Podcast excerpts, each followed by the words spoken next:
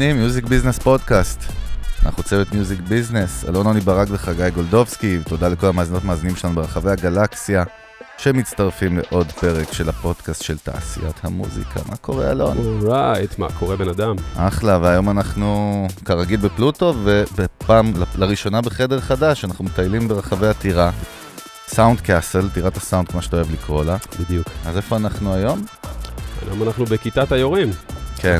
האמת זה נראה פה כמו פרלמנט או משהו בכלל, קצת לא, לא הבנתי, אבל מגניב. תשמע, יש מאחורינו פה איזה 20-30 מחשבים, כאילו... כן, קיצור. כיתת לימוד אמיתית של בית ספר לסאונד, אז uh, תודה שאתם איתנו באפליקציות הסטרימינג וביוטיוב, והיום אנחנו מארחים את מאסטר יורם וזן. alright, welcome יורם. ברוך הבא ל Music Business יורם, כבוד גדול לנו שאתה איתנו. אחד מה- מהטכנאים הבכירים בישראל כבר עשרות שנים.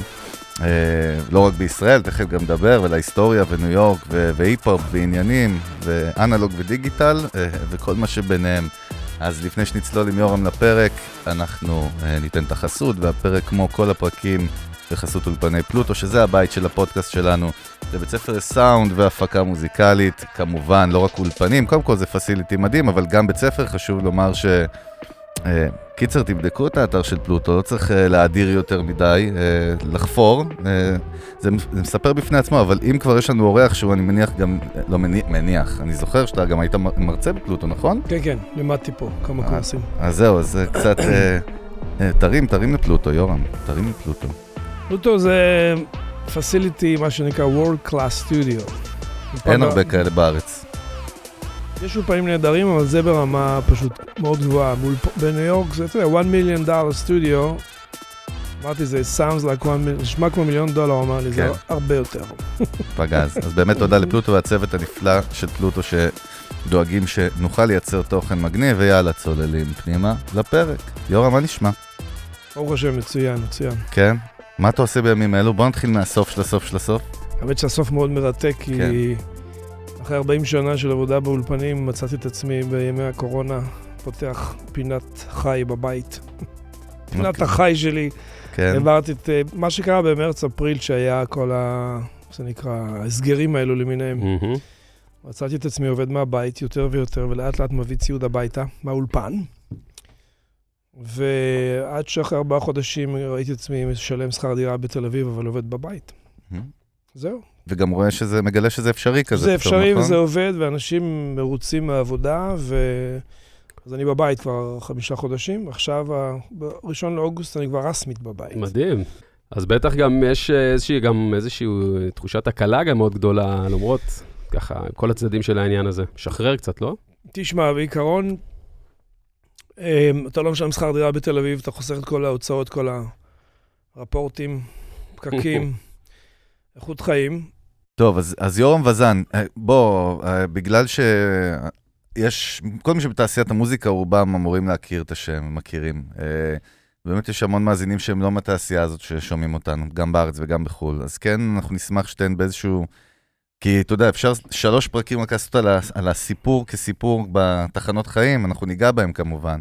אבל אנחנו רוצים באמת, תתן לנו את הרקע, איפה גדלת מאוד מהר, איך הגעת, התגלגלת לסאונד בסוף 70's, לא יודע, תחילת 80's, שכאילו אין אינטרנט, אין חשיפה, לא יודעים על זה בארץ בכלל, מה, איך, איך הגעת לניו יורק בקיצור? ואפילו, ואפילו אולי טיפה לפני זה, מה אתה, בעצם מה אתה עושה, אם אנשים לא מכירים נכון, או לא נכון. יודעים, בעצם מה התפקיד שלך, או איך הגדרת התפקיד שלך, איך אתה מגדיר את זה, נכון. כיום. כדי שידעו, כיום, כן.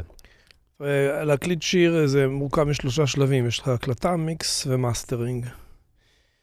הקלטה זה הקלטה הרגילה של כל כלי הנגילה שמשתמשים בה- בהפקה, בעיבוד. מיקרופונים לגנים, הקלטה בהפרדה, הקלטות ביחד וכולי. גמרת להקליט, צריך לעשות לזה מיקס. זה מוקלט על הרבה ערוצים. המאזין קונה סטריאו. פייל שצריך לעשות לזה מיקס, של כל האלמנטים של השיר.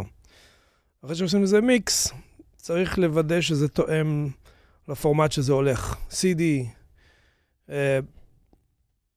ספוטיפיי, whatever, לאן שזה הולך, אנלוגי, דיגיטלי וכולי, צריך לוודא שזה נשמע נכון בכל הפורמטים, שזה יתרגם טוב בכל הרמקולים, כל האוזניות. אז זה מאסטרינג. אה, ובאמת, אז אתה טכנאי מיקס מאסטרינג, נכון? זאת אומרת, גם וגם, או מה, מה יותר ה cup of אני היום בא מההקלטות אה, שבאתי, הלכתי להקליט היום. ויש לך, כמו שאמרתי, יש שלושה שלבים, הקלטה, מיקס ומאסטרינג,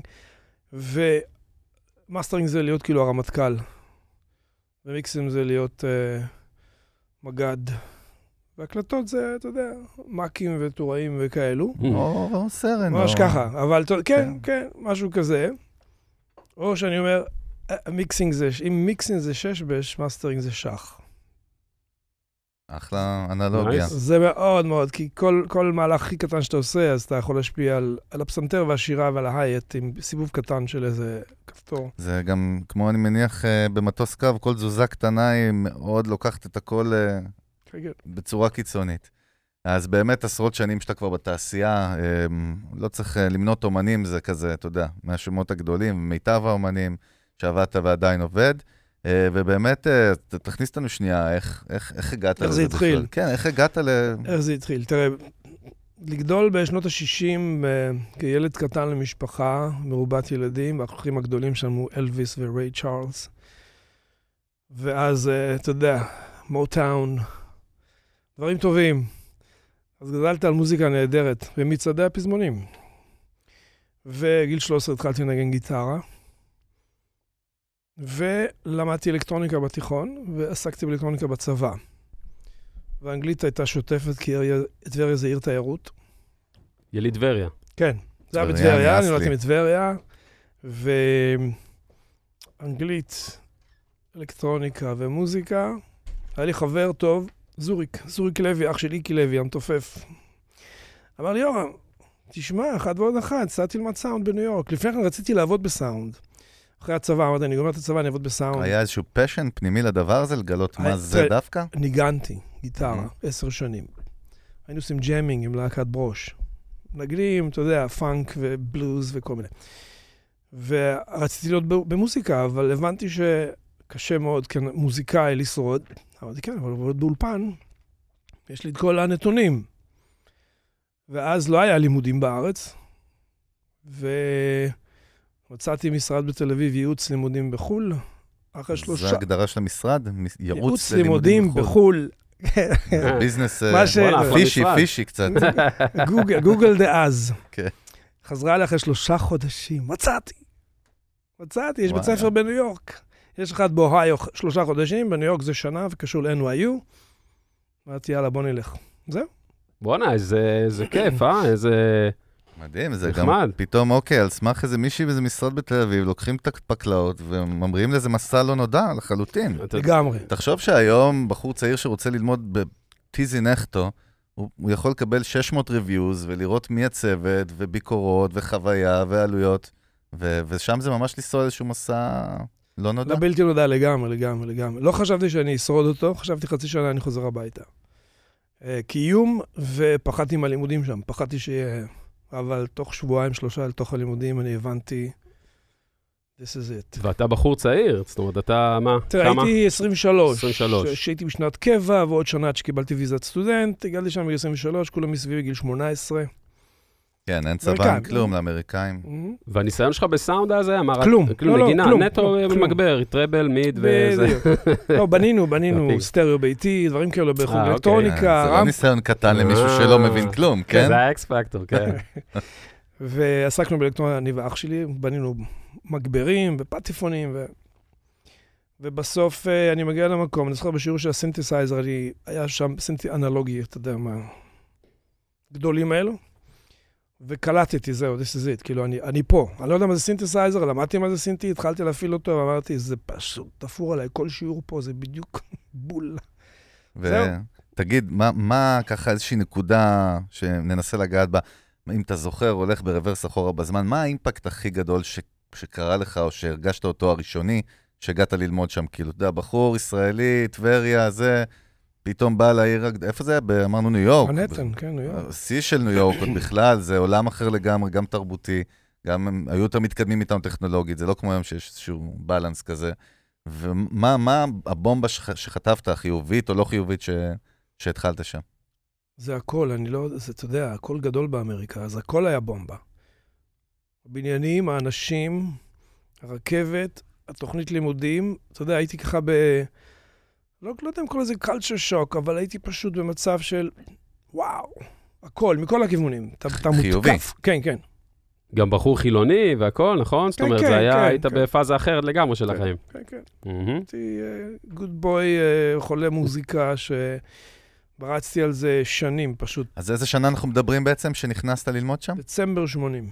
דצמבר 80. לא. דצמבר 80 נחתתי, בינואר 81 התחילו הלימודים. שבעצם הסצנה המוזיקלית אז, מה, מה קורה אז בעולם בתקופה ההיא? זה בדיוק תחילת ה-80's ממש, כן, כאילו. כן, בוא נאמר ככה, סטילי דן היו כן. ה, ה, בתקופה ההיא של אולפני הקלטות וסאונד. אנחנו באנו מהארץ עם כל ה progressive rock, ג'נסיס, יס, פינק פלויד. כן, היינו. ב delay, בקיצור. לא, לא, האמת שלא. חינוך לא, טוב, זה חינוך 70s, טוב. כן, כן, דברים טובים. וקצת ג'אז, שעת ג'אז ברדיו, בשבוע. זה מה שהיה אז. באר- בארץ, כן. פניני ג'אז, שעה בשבוע, זה מה שקיבלת. היה הרבה progressive rock, והיה ג'אז רוק. כל הצ'יק קוריאה וכל המקלפלין וכל ה... אז הייתה, אז היה מוזיקה נהדרת, וכשבאתי לניו יורק, זהו, זה היה כאילו... לא היה מצב שלא היה לך כרטיס להופעה בכיס. לא היה כזה מצב, במשך אשכרה. שנתיים. לא היה נגיש מצב. גם, כן, הכל קורה שם. זה כל הזמן הופעות, אתה מבין? אז כאילו, עבדתי, למדתי והלכתי להופעות. יש יותר טוב מזה? אז זה הטריפ. אוקיי, ואז התחלת את הלימודים, כמה זמן? שנה אמרנו? שנה. בעצם. שהמסלול, מה, כלל- מה היה ה-definition של המסלול? מעניין, לעומת היום שזה זה, מאוד שונה. לא, בזמנו קראו לזה multi track recording, כי זה היה more or less טכנולוגיה חדשה. ההגדרה של המסלול. multi track recording. כאילו, ללמוד להקליט אה, בערוצים. כן, מכונה. רב ערוצי. כן, בדיוק. אוקיי. זה היה הדבר הכי חדש שהיה, כי multi track התחיל אמנם בביטלס ב-67. זהו, למי שלא יודע מה זה multitrack, תכניס אותנו שנייה טכנולוגית קצת מה הכוונה ומה היה לפני. בוא נאמר שיש לך אה, עשרה מיקרופונים באולפן על עשרה נגנים, מהמם. אז אתה רוצה לקרוא אותם עם מיקרופונים נפרדים, בערוצים נפרדים של הקונסולה, לערוצים נפרדים של המכונה. כדי שאחר כך תוכל כל ערוץ להחליט באיזה ווליום הוא יהיה, באיזה סאונד הוא יהיה, באיזה panning, ברמקולים הוא יהיה, שליטה total על הסאונד. משהו זה- טריוויאלי לכל מי שנוגע בסאונד ב-20 שנה האחרונות. אז היה, אז פעם. היית צריך שנה שלמה, אתה יודע, כאילו להעביר קורס של איך, אתה יודע, היום זה כאילו basic, היום כל אחד בא ופשוט יש לו תוכנה שהכל built in כבר, הוא פשוט לוחץ record. זהו, אז בגלל זה אני שואל. כי אני מניח שלא רק זה מה שלמדת, הרי למדת מיקרופונים וקונסולות ו- כן, ובעל- ואפקטים, אני מניח, והכל. זאת אומרת, זה היה ה-definition, אבל גם, גם תכנות של קונסולות מבחינת האלקטרוניקה, זה היה יותר, עמוק. עד כדי כך? נוסחה של איקוולייזר, זה היה כל הלוח. איבדת אותי שם, זהו, נגמר כן, כן, כן, הסיפור. איך בונים איקולייזר, כל הסיפור. זה היה יותר עמוק. אה, זה התחיל כבית ספר יותר טכני, ועם השנים הרמה הטכנית ירדה, וכמו כל האבולוציה של המקצוע הזה, זה התחיל, אם אני תמיד אומר, זה מהנדסי אלקטרוניקה שאוהבים מוזיקה, נכון. וזה הפך להיות מוזיקאים שקצת יודעים אלקטרוניקה. והיום זה מפיקים או מוזיקאים שמפיקים את המוזיקה שלהם. זאת כן, אומרת, כן. הרבה פעמים, לרוב. crossover, הכל עשה crossover. אוקיי. אז סיימת את הלימודים, ומה קורה? אני מתקשר לאחד המרצים, נול סמית, היה חבר טוב שלי, אמרתי לו, אני מחפש לקנות כמה מיקרופונים. אמר לי, אוקיי, I can help you with that, מה אתה עושה מחר? אמרתי לו, nothing special. אמר לי, תבוא לאולפן 46 on 7th Avenue. אוקיי, אני בא לשם, דופק בדלת, מי פותח לי את הדלת? אלווין ג'ונס, אשכרה. המתופף של ג'ון קולטריין. זה מעניין, ניו יורק. אני בא מהפניני ג'אז של גלי צה"ל. אלווין ג'ונס פותח לי את הדלת, והוא כזה מטר תשעים פלוס.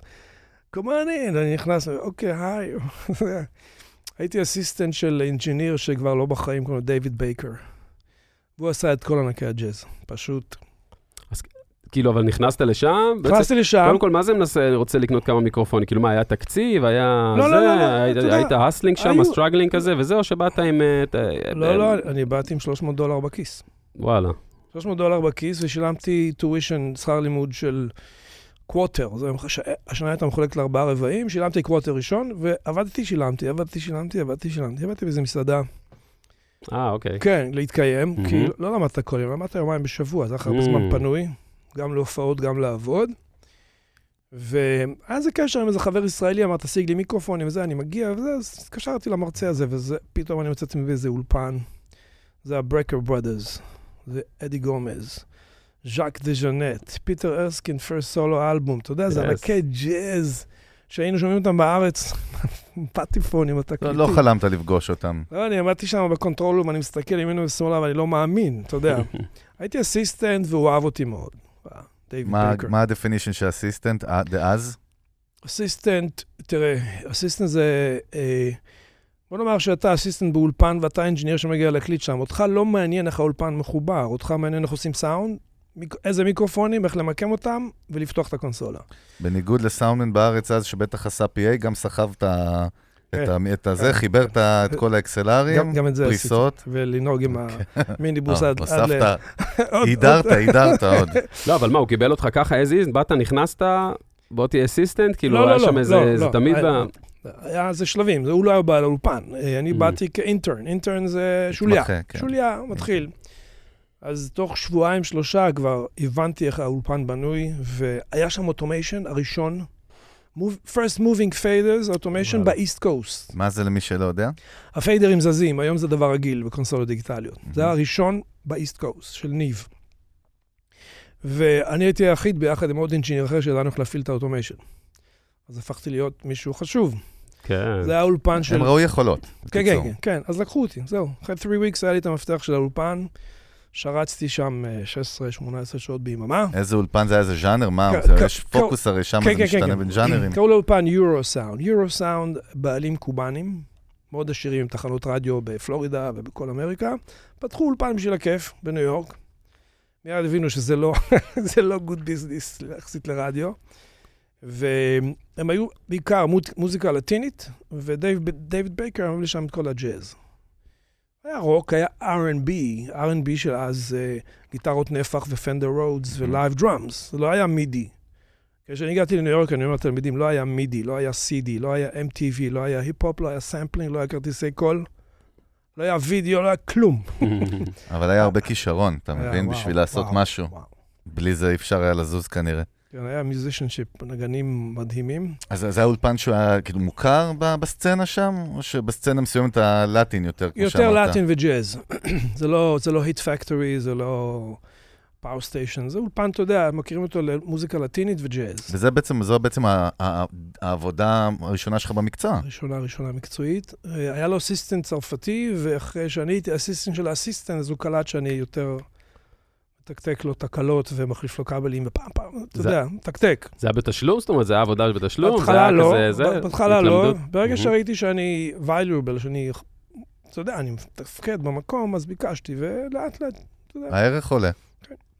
אוקיי, ואז מה, באיזה טייטל, מה, מה הגעת שם בשיא? מה, לנהל את בשיא האולפן? הגעתי, תראה, שנת 82, אני למדתי 81, ואחרי שנה הבנתי שאני לא יכול לחזור לארץ כל כך מהר, כי שנה זה לא מספיק. לקחתי עוד שנה, אבל אחרי שנתיים אמרתי, זהו, אני גומר שנתיים, אני חוזר לארץ. באמת? כן, כי... נשמע שאתה כאילו כן, ממריא כן, זה ממש- מהפנטום. זה ממש ככה. זה לא לא הכיוון הסט- הסטנדרטי שציפיתי שיהיה בסיפור. אז זהו. אה, אולי גילד פילינג, אולי, פטריוטיזם לארץ, אה, היה מלחמת לבנון, אז עוד 82, משהו שהיה פעם. משהו שהיה פעם, בדיוק. מהמם. ואמרתי, תשמע, אם אני לא במילואים, אז uh, משה במילואים במקומי, ואתה יודע, היה מין ראש כזה אז, ממש ככה. אז אני חוזר לארץ. פלוס משפחה וגיל, אתה יודע, עזבתי את ההורים, מבוגרים וזה, אני חוזר לארץ. ראיתי באיזה קלות אפשר להישאר שם. ככה. מה השאלה? קום בבוקר, go to work, אתה יכול להישאר שם שנים. אז uh, זהו, החלטתי שאני חוזר. עכשיו, כשאתה אומר חוזר, אתה מבין, עוני, אה, מאיפה הסיפור הזה מתחיל? ממשהו שגם אנשים לא מבינים היום, חבר'ה שחיים היום צעיר, צעירים, גם לא צעירים, גם גיל 40. כל זה התחיל כי חבר ביקש לך להביא מיקרופונים שאני מניח שהוא לא חלם שהוא יכול להשיג באזור המזרח התיכון, גדול. שהיום יש לנו, אנחנו לא צריכים אפילו להזמין באינטרנט, יש פה הכל, אז היה צריך להביא מחו"ל. לגמרי, קטע. כמו כן. שהביאו לי גיימבוי כשהייתי קטן, אבל זה בטח יותר valuable מגיימבוי. אז, כן. אז, אז פתאום אתה עוד חוזר אחרי ניו יורק, אחרי שאתה מתחיל, יכול לבנות את התהילת עולם שלך שם, אשכרה עוזב את זה, ובא לארץ, ואתה גם יודע לקראת מה אתה הולך מבחינת לא, סאונד, או ש... לא, לא, לא, לא, אני לא יודע כלום. אני בא לארץ, אני לא יודע. אני בא לארץ ואני רוצה שאני לא מצליח להיכנס לשום אולפן, לא מכירים אותי. אתה לא מכיר את הברנז'ה, כאילו, אני הכרתי את איקי לוי, כי הוא גם מטבריה. אוקיי? אז הוא אמר לי, בוא תעבוד איתנו ב-PA, יש לנו חברת PA. זה, זיכרונו לברכה, יגאל בשן, שלום חנוך, דני ליטני, כל מיני הופעות כאלו, אה, טיסלאם, בנזין, זו התקופה. ואני מוצא את עצמי עושה סאונד, ואני מגלה שבהופעה אני עושה 10-12 מיקסים בלילה. זה מיקס, זה live mix, ואני אומר, בוא'נה, זה, אין מקום לטעויות. זה great chop, זאת אומרת, great chop זה תרגול מדהים, למיקסים זה הופעה.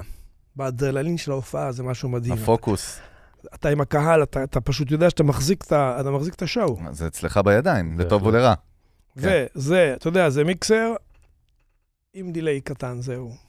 לא קומפרסורים, לא, כלום. וואלה. מיקסר עם. דיליי לזמר, זהו. והיה מגניב, מגניב. ויהודה פוליקר מאוד אהב. אמר לי, בואנה, אני מרגיש שהסאונד יוצא, וזה. טיס לה מאה קטעים. מה, אבל בואנה, כאילו, מה זה, זה קל, הוא בא, שם מתחיל לעבוד, לעשות מיקסים, כן, ותן זה לי. נשמע מאוד מה, אה, עשית. כאילו, היה קצת הסטלינג לפני זה? לא קיבלו אותך, לא, בניו היה יורק, באסה? תראה, תראה, לא. שחזרת אולי לארץ. יש 18 שעות אני- כל יום במשך שנתיים בניו יורק, אה, עשו את זה. לא, אבל כאילו שחזרת לארץ, חיפשת כיווני, ואז היה טיקי לוי שיש... זה כאילו נתפס שניסית היה- כל מיני דברים. הקטע היה כזה, בניו יורק התאמנתי על מיקסים. כל פעם שהאולפן היה פנוי, הייתי שם איזה 18 שעות, הייתי יושב עושה מיקסים, שם סרט של איזה לקוח, עושה מיקסים. אז תפסתי קצת את הקטע, ולמדתי כמה טריקים של EQ ודברים כאלו, ואז אמרו לי, איקי ובודגוב, אתה צריך לעשות סאונד, זהו, בחנ... בפורים יש הופעה, אין לנו מי שיעשה סאונד, אמרתי לו, אוקיי, פיין, והופעה ראשונה בבקו"ם. אז זה היה נחשב, חבר'ה. כן, הופעה צבאית. בבקו"ם זה היה כאילו טבילת אש ראשונה ב-PA, זהו, ואז התחלתי להרגיש שאני מנגן ביחד עם הלהקה, את הקונסולה. וגם כבר הכרת את האומנים המובילים בישראל, אני מניח, אז נוצר הקשר ה- כן, לאט לאט, החברי או האינטימי יותר הראשון. כל אלו. זאת אומרת שכאילו לא, היה, לא הייתה לך שום בעיה לנחות ממנהטן דאז, מאולפני הקלטה ועניינים, לעשות סאונד ולסחוב פתאום רמקולים בשטח? לא היה לך בעיה עם זה? היינו צעירים, אהבנו את ה- את ה vibe, אהבנו את ה... לעשות סאונד. אתה יכול לעשות סאונד להופעה שאתה אפילו לא מתחבר למוזיקה, אתה מתעסק עם תדרים, אתה מתעסק עם סאונד ופאנצ'ים וכאלו דברים, Mhm. ואתה יוצר משהו. ועם זה מאוד נהניתי, והאדרנלין הזה של הופעה זה היה משהו מדהים, מאוד אהבתי את זה. זהו, 83. נולדתי ב-83. אוי, תהיה בריא. איזה שנה מצוינת. האנושות. אה, וזהו. משם הכל התחיל לצלול. סוף 83 התחלתי לקלוט שבאמת זה היה קצת חבל שעזבתי את ניו יורק, והיה לי, אמרתי, אני חוזר לניו יורק. עם כל הפאנק הזה של אה, היה כיף עם ההופעות החיות, כן, כן, והתדרים אה, וזה, אה, אבל בכל זאת. כן, תשמע, נראה לי אמן בכל זאת, מחפש, בודק, כיוונים. העניין הוא באמת שהיה לי קשר עם, עם הבית ספר שלמדתי בו, מהמם. ואמרו לי, תבוא, אם תרגיע אתה יכול ללמד פה. אני לימדתי, דרך אגב. ללמד. אני לימד, כשהייתי סטודנט, לימדתי כמובן מחליף. Mm, כבר כשהייתי סטודנט התחלתי ללמד שם קצת מתמטיקה, physics of sounds, את המעבדות, הדברים הפשוטים. כאילו זה? מתרגל, מה כן, לא, הוא שנקרא. גם זורק, הפיזיקה של הסאונד על הדרך, אה, מדע טילים עם חלל, קצת אחרי הצהריים הסברתי להם. כן, אוקיי. זה מעבדה כזו של, אה, של ה quarter הראשון. דרך אגב, פיזית מעניין אותי סתם, מה- מה ה scope של הבית ספר? זה זה גדול, זה קטן, זה כמו פלוטו? לא, זה? בניין, בניין שכן, אה, זה רק כיתות, זה לא, היה שזה אולפן הקלטה, אבל הרוב כיתות. אוקיי. זה היה שתי קומות אז. אז זה כן, ממש. תיאורטי בעיקר? זה נשמע שזה מאוד תיאורטי או הרבה שהיה... תיאוריה, ובסמסטר האחרון, ב quarter האחרון, זה כבר הקלטה. אוקיי. recording studio workshop, אתה ממש מקליט הרכב. כן. ושיעור מעשי אחרון, מיישמים. יש הרבה מעבדות, הרבה מעבדות עם מכשירים, והיה מאוד מרתק. אז חזרת, התחלת ללמד ככה בבית ספר? 84 חזרתי לניו יורק, התחלתי ללמד. השגתי לי green card וכל הסיפור דרך הבית ספר, כל הסיפור הזה. וזהו, נשארתי, I'm here to stay. ב-87 כבר פתחתי אולפן, כי אז היה Home Studio Revolution. כאילו, לפני כן היה אולפן. באמת? כן. כבר אז? 85, 6, התחילו כבר להגיע הציודים ה... פורטראק התחיל לפני כן, 82, פורטראק קסט. אבל אז הגיע A-Track, real to real. אתה יודע, מכונה, 24 ערוצים, קונסולה, מדובר פה על מאות אלפי דולרים, פתאום אתה ב-10,000 דולר יכול להעמיד אולפן. היה לי חבר טוב ישראלי שהיה תלמיד בבית ספר, כשהייתי מרצה, שלמה, ושלמה השיג כסף וקנה אולפן. אז הרכבתי לו את האולפן, ועברנו לגור ביחד. זאת אומרת, אני, היה לי חדר שלי, והוא היה, הוא לא גר שם, רק האולפן היה החדר השני. מהמם. אולפן ביתי, כאילו, בבית. כן, אבל זה היה לופט של אלף square feet. Mm. אה, וואו, גדול כזה. וסלון ענק, סאונד מדהים של תופים היה שם. מאיפה. לקוחות מגיעים? מי מכיר אתכם? איך עושים. marketing? אז ה brand? בהתחלה, התחלנו לעבוד עם אה, נגנים ששלמה עבד איתם, ככה בכיף, וב-87 קנינו sampler, drum machine ומחשב. וואלה, אז ממש הייתם שותפים, גם כן, כן, בקניות, גם כן, בכל, כן, 50-50 כן, ספיק, כן, כן. וואי, nice. היינו שותפים, וזו ההשקעה הראשונית שלנו כאילו ב digital audio. זה לא היה אודיו להקליט למחשב, זה היה MIDI. MIDI, יכולת להקליט תווים למחשב. ניגנת תווים, זה הוקלט למחשב, אבל מי שניגן את זה חזרה, זה הסינתסייזר, הוא קיבל את התווים חזרה מהמחשב. כמה שזה נשמע דיגיטלי, אם נראה את זה למישהו שהוא היום, זה יראה לו מגוחך ברמות, היום כנראה. זה plugin. כן, זה ברור. היום זה plugin, יש לך מקלדת שליטה, אבל הסאונד בא מהמחשב. נכון, in the box. אז כאילו מה, אז אמרתם, אוקיי, יש פה מצב לגדול, יש פה גם איזו הזדמנות כלכלית, גם אומנותית, גם מקצועית וזה, ואז אמרתם, יאללה, בואו נשתדרג, ציוד. קנינו את הקטע הדיגיטלי הזה ושמנו מודעה, ב- יש village voice, היה אז אולי גם היום. מה היה השם שנתתם למקום? הראשון היה such a sound. such a sound. הלהקה של שלמה היה שלמה and such- and צ'אק. אוקיי. שלמה and צ'אק. השלמה לא בא לי טוב, הצ'אק יותר. אז זהו, אז מזה יצא, מזה יצא such. זה היה השם של הלהקה, such. וואלה. אז אני a sound, אוקיי, a sound. לא להיט. והיינו שנה וחצי אה, משותפים, אחרי שנה וחצי הבנו שאנחנו בכיוונים שונים, הוא הלך בכיוון של הפקה, ואני הלכתי בכיוון של professional recording studio, של engineer? commercial recording studio שנותן שירות. שם נתת באמת איזשהו פוקוס, כאילו, אסטרטגי, נגדיר את זה, אפילו בלי שהתכוונת, שזה, אומרת, זה הפוקוס שלך, זה מה שאתה טוב, וזה מה שאתה רוצה. לעשות? אני הרי באתי ל engineering כי הבנתי שמוזיקה זה כמו לזכות בלוטו. אתה יודע, אוקיי. להצליח במוזיקה עם מוזיקאי זה כמו להרוויח בלוטו, מאוד קשה. היום גם טכנאי, לא? היום נהיה בלאגן, כן. אבל אז אה, בעצם טכנאי היה משהו שאני יכול להתפרנס בכבוד וממש לחיות חיים טובים מאוד, בקיצור. You stay busy, אתה, אתה עובד, you keep it coming, כל הזמן יש עבודה, יש עבודה. ולכן החלטנו שנפרדים, כי הוא הולך להפקה והשקענו באומנים, בחוזים עם עורכי דין, זה אלפי דולרים הוצאות. איך זה נגמר? נגמר איך זה טוב? נגמר? האומן הולך לכלא. לא, איך זה נגמר ביניכם? אה, ולא נגמר בסדר, כן. הבנו שזה לא, אנחנו בכיוונים שונים. לא בפיצוץ או משהו כזה. זה הקטע, היינו משקיעים באומנים, זמן וזה, ואז we went to jail. כן, זה כמו סטארט-אפ, רוב הסיכויים שזה לא יקרה. אז, אה, אז, כן, טוב, זהו, אז נפרדנו, אז אני, I started firehouse, פתחתי אולפן באותו מקום. השם המיתולוגי שעד היום הולך כן. זה נשמע דרך אגב יותר טוב משלמה וצ'אקו, או מה שזה לא היה. פיירהאוז, הוא אמר, אני חייב לחפש, אני חייב לחפש זה כבר נשמע בנזו. כן, האמת שכן, אני אמרתי, תשמע, יש רקורד פלנט, רקורד פלנט, ויש פייר, נו, what do you call it? אה, נו, לא Knitting Factory, יש לך Hit Factory, שזה כולם מפעלים. רקורד פלנט זה גם מפעל, ויש את Power Station. Power Station זה תחנת חשמל. אמרת, אני חייב משהו בכיוון הזה. אמרתי, יואו, across the street, מעבר לכביש, היה פיירהאוס. אש, אמרתי פיירהאוס. אז כאילו חסכת מספיק, הגעת כבר לאיזה מצב שאתה יכול גם לקנות עוד ציוד ולפתוח מקום משלך? כאילו תראה, בקטע בעיקרון, כזה? זה לא, זה פשוט תמיד הסתמכנו על הלוואות מהבנק. אוקיי. שאלתי 20 אלף דולר, 15 אלף דולר, 25 אלף דולר, לקחתי כסף מהבנק, לקנות אה. ציוד, כי ידעת שיש לך כן. 40 שעות בשבוע בטוח. כי יש כבר, הי- הייתה מתמטיקה לעשות, זה לא היה סתם איזשהו vision. זאת אומרת, כן, כן. כמו שבן אדם קונה מברגה, לא יודע, הוא יודע שיפוצניק, הוא מחזיר את זה תוך איקס. כן, כן, תשמע. זה סבבה, אולי זה טריוויאלי, אבל המון אנשים, במיוחד מוזיקאים, מפחדים לעשות צעדים כאלה, הם מפחדים היום. לא נכון. עושים, אה, אני- כאילו, אני מכיר הרבה שכן עושים, אבל אני מכיר הרבה שאומרים, לא, לא, אני כאילו, מה- אני אסתדר עם מה שיש. כאילו, אני אגיד לך, ולא עכשיו הולכים להיכנס עכשיו פה, לקחת 20 אלף דולר פה. אני מסכים, מעניין. אבל אני אגיד לך שאז זה היה פי מיליון יותר מסוכן, כי אתה יודע, אתה גם מפיק ויש לך אולפן, היום הכל הרבה יותר זול. זאת אומרת, כל מה שלא תחלום עליו הוא די בהישג ידך. אז אתה אבל אומר, אז זה היה עשרות למאות אלפי דולרים, בוא, זה כאילו אז אתה אומר. היום אחת ו... היום מי שמפחד מזה אז הוא קרטון רציני בכלל, כי בוא, תשקיע 20 אלף שקל ויאללה. לא, תעבוד. מעניין, כן? אני אגיד לך ש- שפתחנו עם שלמה, פרסמנו ב Village Voice, ופתאום הגיעו ראפרים. רגע, מה זה Village Voice? מה זה זה פספסתי? עיתון, עיתון ניו יורקי במנהטן, שיוצא אוקיי. בכל יום רביעי, ושם מפרסמים אולפני גל הקלטות, גפן, כזה. עיתון מקומי. אבל יותר לאנטרטיימנט, אוקיי, ואומנות ותיאטרון. אוקיי. אז שם זה הגוגל עד הראשון שלך בעצם. כן.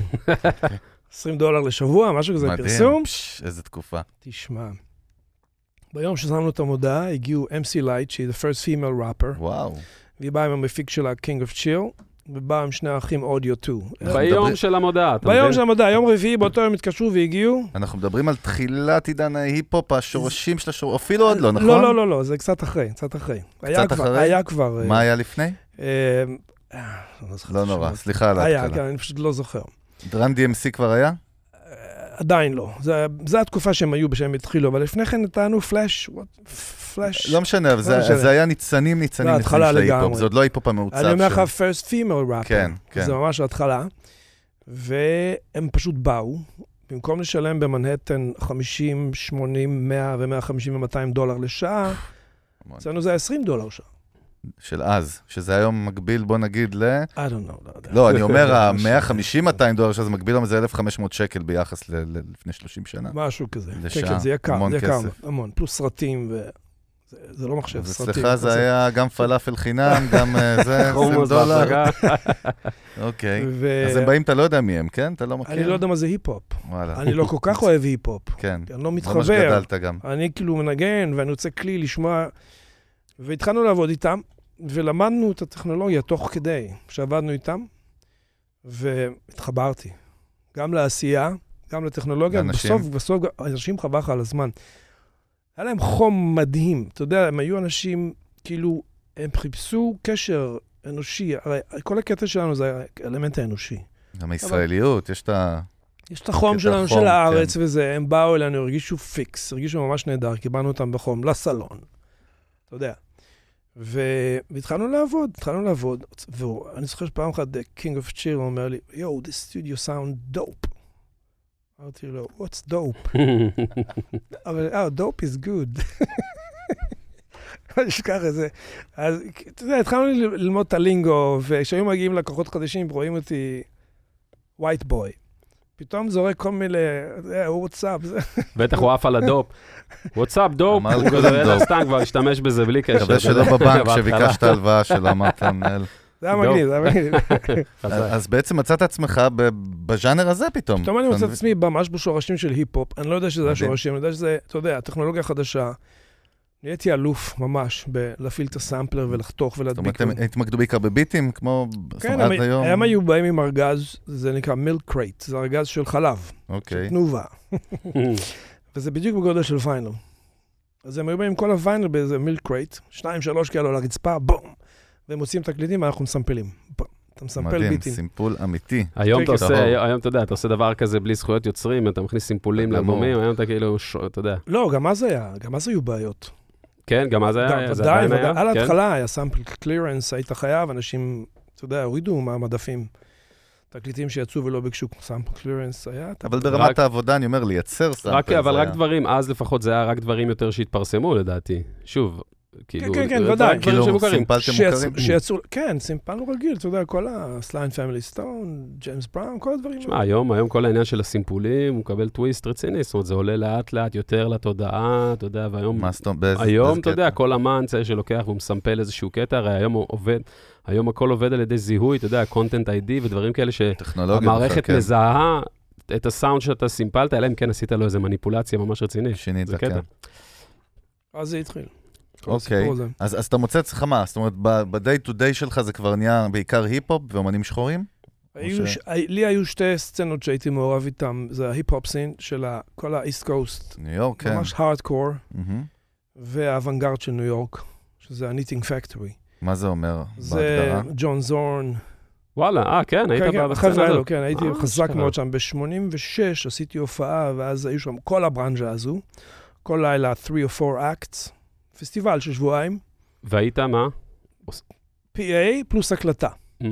מה, הקלטה של הלייב? כן, כלומר, אני הייתי עושה PA ותלמיד שלי עמד על ידי, אז כבר הייתי מרצה בבית ספר, התלמיד עמד על ידי ושלחתי לו cue להקלטה, והוא כל הזמן עם אוזניות שומע. double pressure תלמיד- זה. תלמיד בא לסשן של אוונגרד, כן. כאילו לזה, שומע את ג'ון זורן, אחי, זה אנשים כאילו, ג'ון זורן הוא הקטע הוא שהוא... פסיכופת מוזיקלי הוא. חיבר אותי לסצנה הזו. דרך אגב, את ג'ון זון הכרתי ב-82 באולפן הלטינו. יהודי, He's Jewish, of course. אה. כן, כן. שלנו. כבוד. אז, אה, אז בקיצור, היו שתי סצנות שהיו, התנגשו שם אצלי בכיף בסלון, היו יושבים קשקשים, מדברים, כי שניהם היו פתוחים, זה אוונגרד וזה חדש, אתה מבין? והם מאוד העריכו אחד את השני, זה היה מגניב. עד שהטכנולוגיה משכה את האוונגרד ממני אליהם הביתה. כולם קנו מחשבים וזה, והתחילו לעבוד בבית. קיצר, התחלת למכור להם. לא. לא סתם, אני צוחק. אז, 10 אחוז אצלי, בוא. אבל ההיפ-הופ, אה, ההיפ-הופ המשיך, לא הפסיק. זה, זה התחיל עם, להתפוצץ. עם עם MC מי. באמת עבדת בשיא ככה, שמות ש... תראה, היו תחנות, זה ממש לא יאומן. היה MC Light ו-MC Light first female rapper, גנגסטאר, first jazz rap. אחר כך הגיעו דאס אפקס, זה הסטייל שאף אחד עוד לא שמע. אז הרגשתי שכאילו עוברים על ידי כל מיני turning point של זה, של, של ההיפ-הופ. היית בתחילת המהפכה, בקיצור. ממש ככה, ואז הגיע Wu-Tang. וואו, זה, זה אחד מהנקודות אה, הגיעו. לפני החשובות. כן, כן, הם הגיעו, והם באו כבר כ... כ... לעשות דמוס בהתחלה. אה, הגיעו אליך? הם הגיעו חשבתי ל... שאתה אומר הגיעו לסצנה באופן כללי. לא, הגיעו. לאולפן. והשם, בעצם עלה, והמחיר עלה גם תוך כדי. כן, אני כן, אוהב כן, להיכנס כן. ככה קצת לא, לא, לקרביים יפה. שזה, כאילו השם עלה, המחיר עלה, העלית, מתי הרגשת שאתה יכול? 20, 30, 35, 55, 75, זה כן, עלה, פיתה כמובן. קמח מלא כבר, עף הפלאפל. כן. טחינה עבודת יד. והיה לך שותפים, זאת אומרת, היה לך טכנאי, מה, כמה צוות הייתם שם? בהתחלה, אני- הייתי ושלמה ביחד, כן. ב Firehouse הייתי לבד, one man operation. פעם עבדתי 36 שעות רצוף. או, וואה. מה עם חשבונות, מה עם כספים, סליקה, לקוחות, חייב, זה גם משהו. שצריך לעשות. כן, אינבויס. לא, אבל זה. לא... גם, לא, אני יושב אבק, ואחר כך מתחיל סשן, ותוך כדי הקלטה של ווקלס אני am booking a session, כי טלפון מצלצל, ועשיתי הכל, וכמובן באיזשהו שלב הכנסתי בחור שהיה לקוח שלי בשם ברבי, אה, שמתי אותו כאנג'יניר, ואז אמרתי, שמע, יש לי פה איזה הרכב, תעשה את המיקסים, וזה היה דאס אפקס. זה ה-first מדהים. platinum, זה ה-first platinum שלנו, שזה מיליון עותקים. אז, זה כן. בכלל עוד עוד יותר. כן. ו... ואז כבר היה לי, הגיע למצב שאחרי אה, חמש שנים בניו יורק, בברוקלין, עברנו למנהטן ב-92. שם הייתי שבע שנים. במנהטן כבר היה לי ש- seven freelance engineers, Mm, כולם חבר'ה, אתה יודע, מתוך, ה... מתוך הסצנה, זה African American ופורטוריקנים, חבר'ה ממש מתוך הסצנה של הברונקס וזה, חמודים, פחד. עובדים שלך, משכורות? לא, אה, לא, פרילנס. לפי סשן, עובד סשן עובד, מקבל, אוקיי. אבל היו 3 studio managers. אחד של day, אחד של night, אחד של weekend. הם קיבלו משכורת. מהמם. והעסק עבד, אתה יודע, אני הייתי ב backroom, אתה כבר over the top. אני כבר קונה, he's the owner. כן. הוא כבר עם הפייסלים מאחורה. די, הוא כבר לא ב... עם. הקורבט שנת הוא 88. כבר לא עכשיו פה הסאחי היחידי על הסט, אחי. תפעל את הזה, מקפל את ההוא, אתה יודע, כן, הוא כבר... כן. לא, אבל אני מניח שלקוחות, אה, אתה יודע, בתחום הזה קצת אה, טריקי, כי בעצם הלקוחות רוצים אותך, את המגע שלך, אתה הברנד. לא, לא, האמת, תראה, בהתחלה, זה, היה ככה בהתחלה כמו שזה היום בארץ איתי. כן. אני נכון. עושה את העבודה. אבל הגיעו החבר'ה האלו, ו... האולפן תפס ברנד? זאת אומרת, המקום נהיה ברנד? בעצמו זאת השאלה. Firehouse, man, it's a place to be. זה ככה. היה. זה- יש סרטון של Wu-Tang, יש סרט דוקומנטרי של Wu-Tang, שמראים וידאו שעשו להם כשמישהו בא לבקר אותם ב Firehouse. יש לך את הוידאו הזה? כן, זה קיים ב- אז אולי ביוטיוב. נשתול את זה בסתם מעניין. ב- אני ב- אשלח לך בווידאו לינק. הזה. כן, כן, כן. זה- אם יש. תביעות, אני מפנה אותם לעורך דין שלך, כן? כן. ל Wu-Tang. אוקיי, אז שם, ואנחנו מדברים כבר מה, 90? זה שנת 90, 89, 90? תחשוב, 87, 88 התחלתי את Firehouse, ו-92 עברתי למנהטן. אוקיי, שם. עד 99 הייתי במנהטן. וואו, אה, לא כזה מזמן חזרת מניו יורק, זאת אומרת 20 שנה. 20, 21 שנה. אוקיי. בארץ. עכשיו בוא, בדרך כלל כשמדברים עם יורם, אה, סליחה, כן, כן, כן. shoot אחי, shoot. בטח, לא, לא, לא. והשנים שם במנהטן, איך היו? לא, מגניב. מטורפות? לא, לא, מגניב, כי אתה קרוב ל-record labels, כולם כבר באים אליך, זה כבר יותר קל. טלפון פה, טלפון שם, והייתה מגיעה המון עבודה, ברוך השם, היה ממש uh, very busy. וכשאתה ביזי באולפן, אתה קונה עוד ציוד. והצלחת גם לנהל את כל העניין הכלכלי הזה, זאת אומרת, לבד, זה היה עליך, נכון? אתה היית כן, כן, יודמן. היה- היה לא, כי זה לא קשה, זה כבר אנשים, זה עובדים, זה משכורות, זה לשלם להוא, למשמרת. לקוחות. שלא משלמים. לקוחות שלא משלמים, שיש. זה היה סרט? לא, היה לא, לך לא. היה לך בוא- קשיים עם זה? היה לך לקוחות שלא שילמו לך? היה לך בלאגנים גם? מעט מאוד, כי אנשים שילמו מראש, Mm. דפוזיט, 50% מראש, אם לא הכרת אותם. לפני שהוא בא אליך, he wants to book a session, הוא מביא 50% up front, ואז מתחילים לעבוד, בסוף העבודה הוא משלם את השאר. ו- אחרי פעמיים שלוש שהוא כבר עובר את זה, אתה כבר מכיר אותו, אז... אמון. יש. וזה- fixed price היית עושה בזמנו? זה היה כאילו fixed price, או שאתה בא... Per hour, איך, הכל היה per שעות? hour. per hour. per hour, כי אתה לא יודע כמה. לא היה מושג fixed price. גם היום אני חושב משנה, שהוא לא. מחזיק מים, נכון? תראה, בוא נאמר שמקליטים אה, להקה, אז הם לוקחים יום. מהמם. אבל בסשנים האלו אתה לא יודע כמה זמן הם יהיו שם, אז זה הכל per hour. you אז. לוקחים חצי הגיוני, ואז מה שצריך משלימים. כן, כן, כן. תגיד, סתם מעניין, הרבה טכנאים מהדור שלך, ואני מרגיש שאצלך אולי זה קצת שונה, אבל מעניין לשמוע, אתה בעצם היית בכל המהפכה הטכנולוגית, זאת אומרת, חווית אותה כ, כמישהו מהתעשייה, ממש התחלת מטרו אנלוג ועד לכל המהפכה, ועד להיום שאתה עדיין פעיל, אתה מעודכן בהכל, ופלאגינים, וטכנולוגיות ודיגיטל ו- וזה. אה, אתה היית מאלה שהיו, כאילו, if we can beat them, join them, או שהיית מה...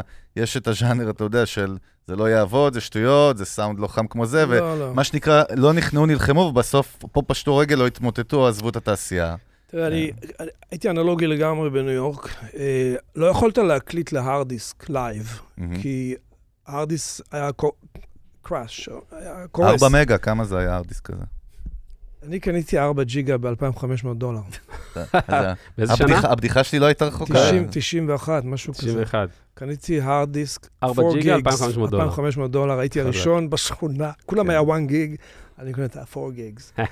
הביאו לי אותו עם מנוף. אז אתה תמיד קיבלת את הטכנולוגיה, תמיד עקבת וקיבלת את הטכנולוגיה, מה שנקרא, בברכה, ובקטע שאני לומד כן, את זה וזה מה שצריך להיות, ראית קדימה, הבנת לאן זה הולך? כי יש לא, הרבה לא שקיבלו שוק. לא, לא הייתי אומר, לא הייתי אומר. אני זוכר? שהיו פרסומות ראשונות בסוף 80, tapeless recordings. זה ה-ADAT, ADAT? לא, זה היה סינקלווייר, זה הסינתסייזר שעולה 250 אלף דולר. אה, אוקיי. פתאום אני רואה איזה אחד, excuse me, נקניק, יושב מול החלון שלה, זה בלי קונסולה. איפה הקונסולה? יושב מול ס- מול אה, מקלדת, אני אוהב גם את התנועה שלך כן. בראש, זה תנועות שלך בראש, הוא יושב שם. לינטר מסתכל עליי מידי שם. 250 אלף דולר, אמרתי, כמה? 250 אלף דולר. זה היה סמפלר, זה היה בעצם hard disk recorder, כמו שיש לך היום במחשב, זה היה הראשון, עם ממיר, וגם sampling library, ואז יכולת לשלב, עם סאונדים מדהימים, זה עלה תצוגה 250 תצוגה נוראית. בטח, תצוגה כן, נוראית ושליטה נוראית. כן. סאונדים מדהימים, אה, עכשיו אתה אומר, או סאונדים מדהימים? לא, אז לא, חשבת שזה. סאונדים מדהימים? אמרת שאמרת, what is this shit, כאילו. הרבה זמן, לא, לא, היו כן? כינורות שלא שמענו אף פעם, Mm. התחלה של sampling.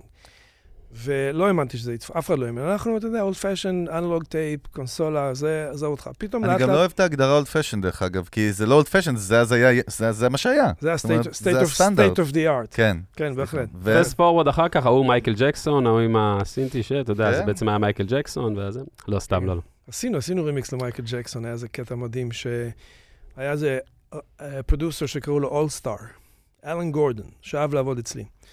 ופתאום נעלם לי. ואז התברר שהוא הלך להיות assistant של אה, טדי ריילי. טדי ריילי היה מפיק של מייקל ג'קסון. אז הוא תפס שם experience מאוד רציני, פתאום הוא חוזר אליי עם איזה engineer לעשות מיקס, וה-engineer הזה היה תלמיד שלי בבית ספר. ארדי.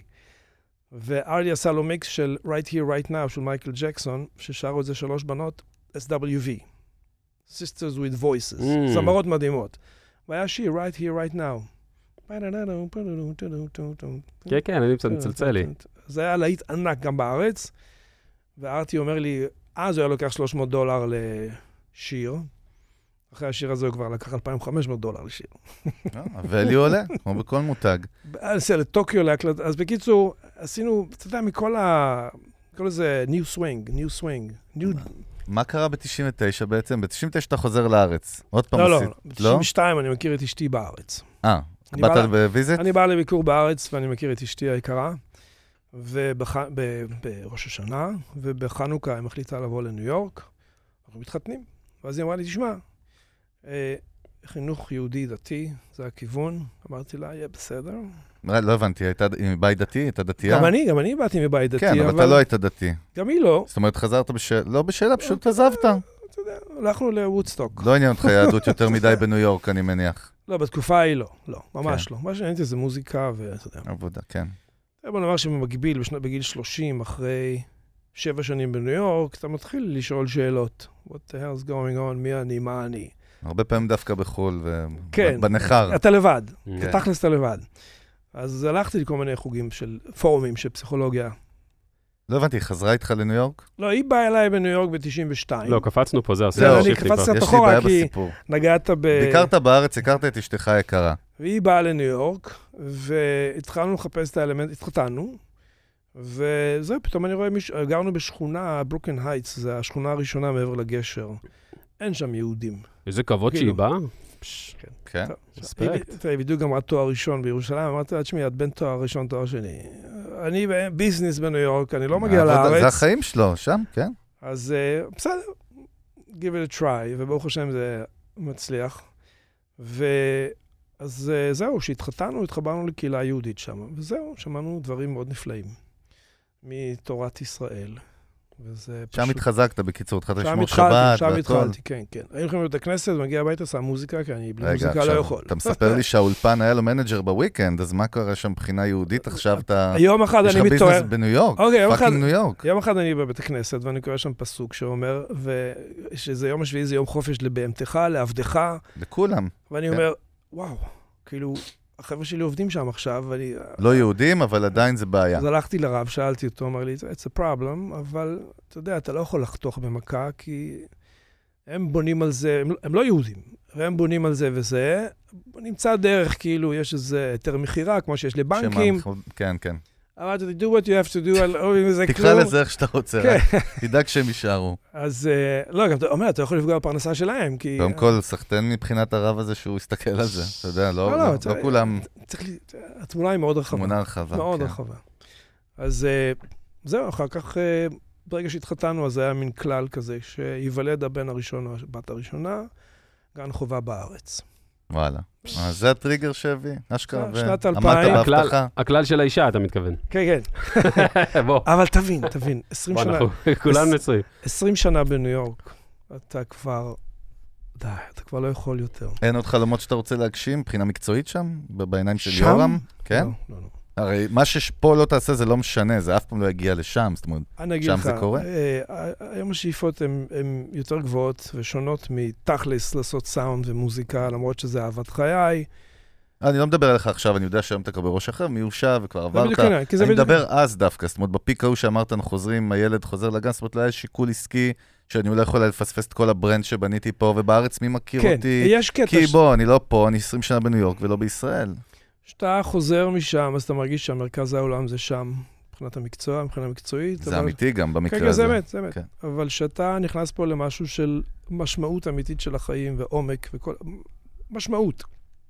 אז אתה מבין שאני יכול להיות ב... בסוף העולם עם המשמעות האמיתית שלי, וזה לא משנה איפה אני נמצא. בקוטב הצפוני, צפונית לקוטב הצפוני. מסירות זה לא נפש, משנה. בקיצור, נו מה. כן. בהתחלה היה לי קשה, אבל uh, אתה יודע, עם הזמן קלטתי שבעצם אני לא רוצה לראות את, אני רוצה להגיד JFK, אני לא רוצה לראות את נתב"ג.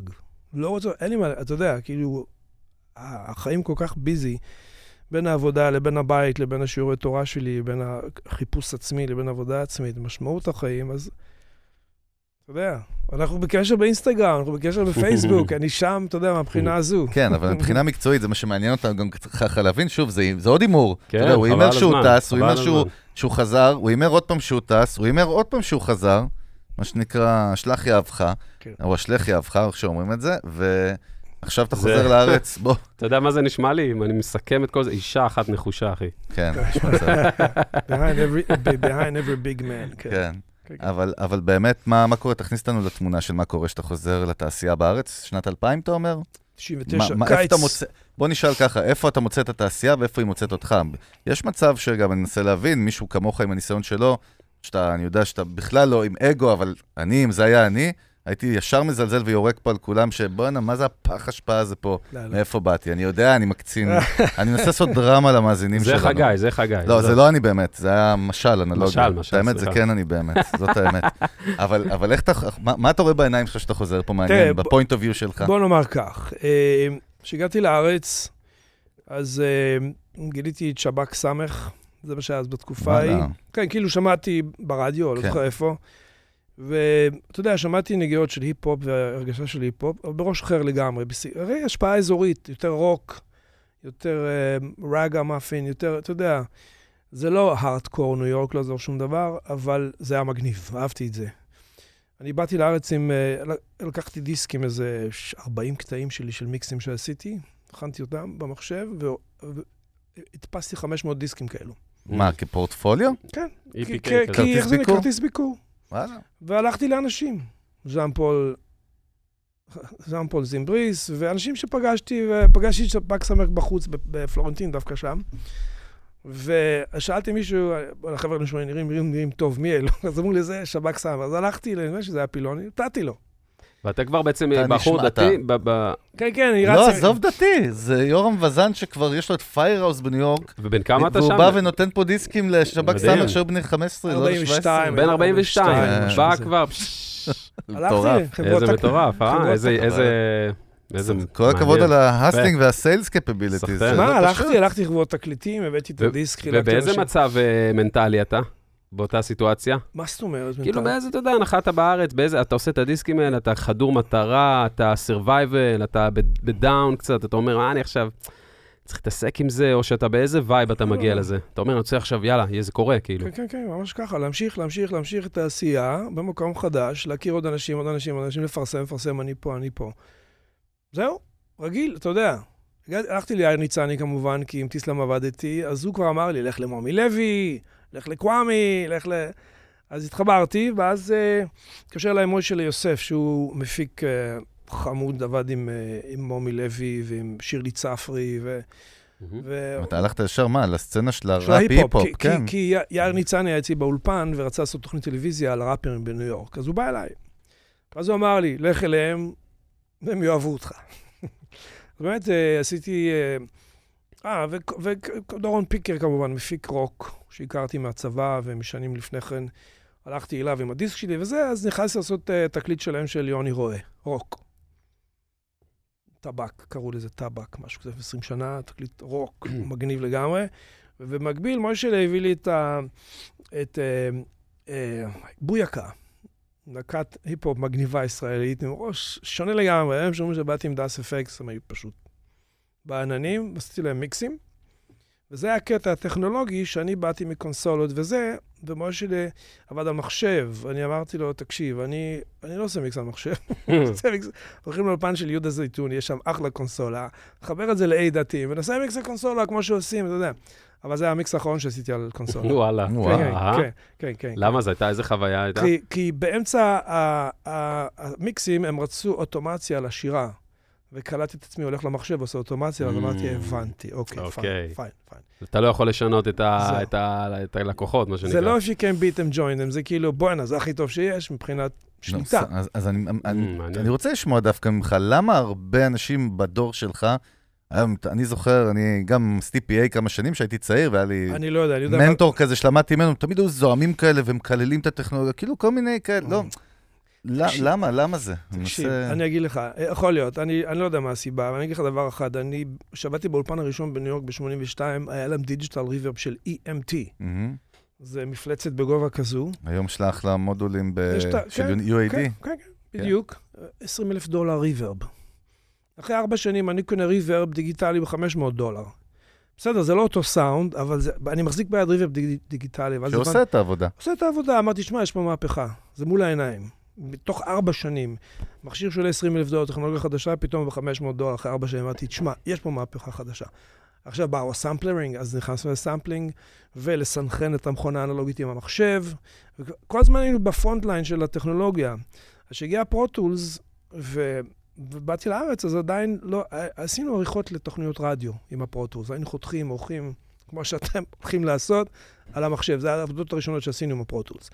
בארץ ישבתי על מחשב ואמרתי, תשמע, איזה כיף, אתה גם לא זז מה sweet spot. יש לך קונסולות מפה עד לשם. ב bass drum שם, בשירה שם. אז אתה רץ, עושה EQ ורץ לאמצע ומקשיב, רץ, עושה EQ ל snare וחוזר לרמקולים לשמוע מה עשית. פתאום אתה יושב מול הרמקולים, מול המחשב. קאוץ' פוטטו נחמד. לא, גם יותר יעיל בתהליך עבודה בסופו של אין דבר. ספק, אין ספק.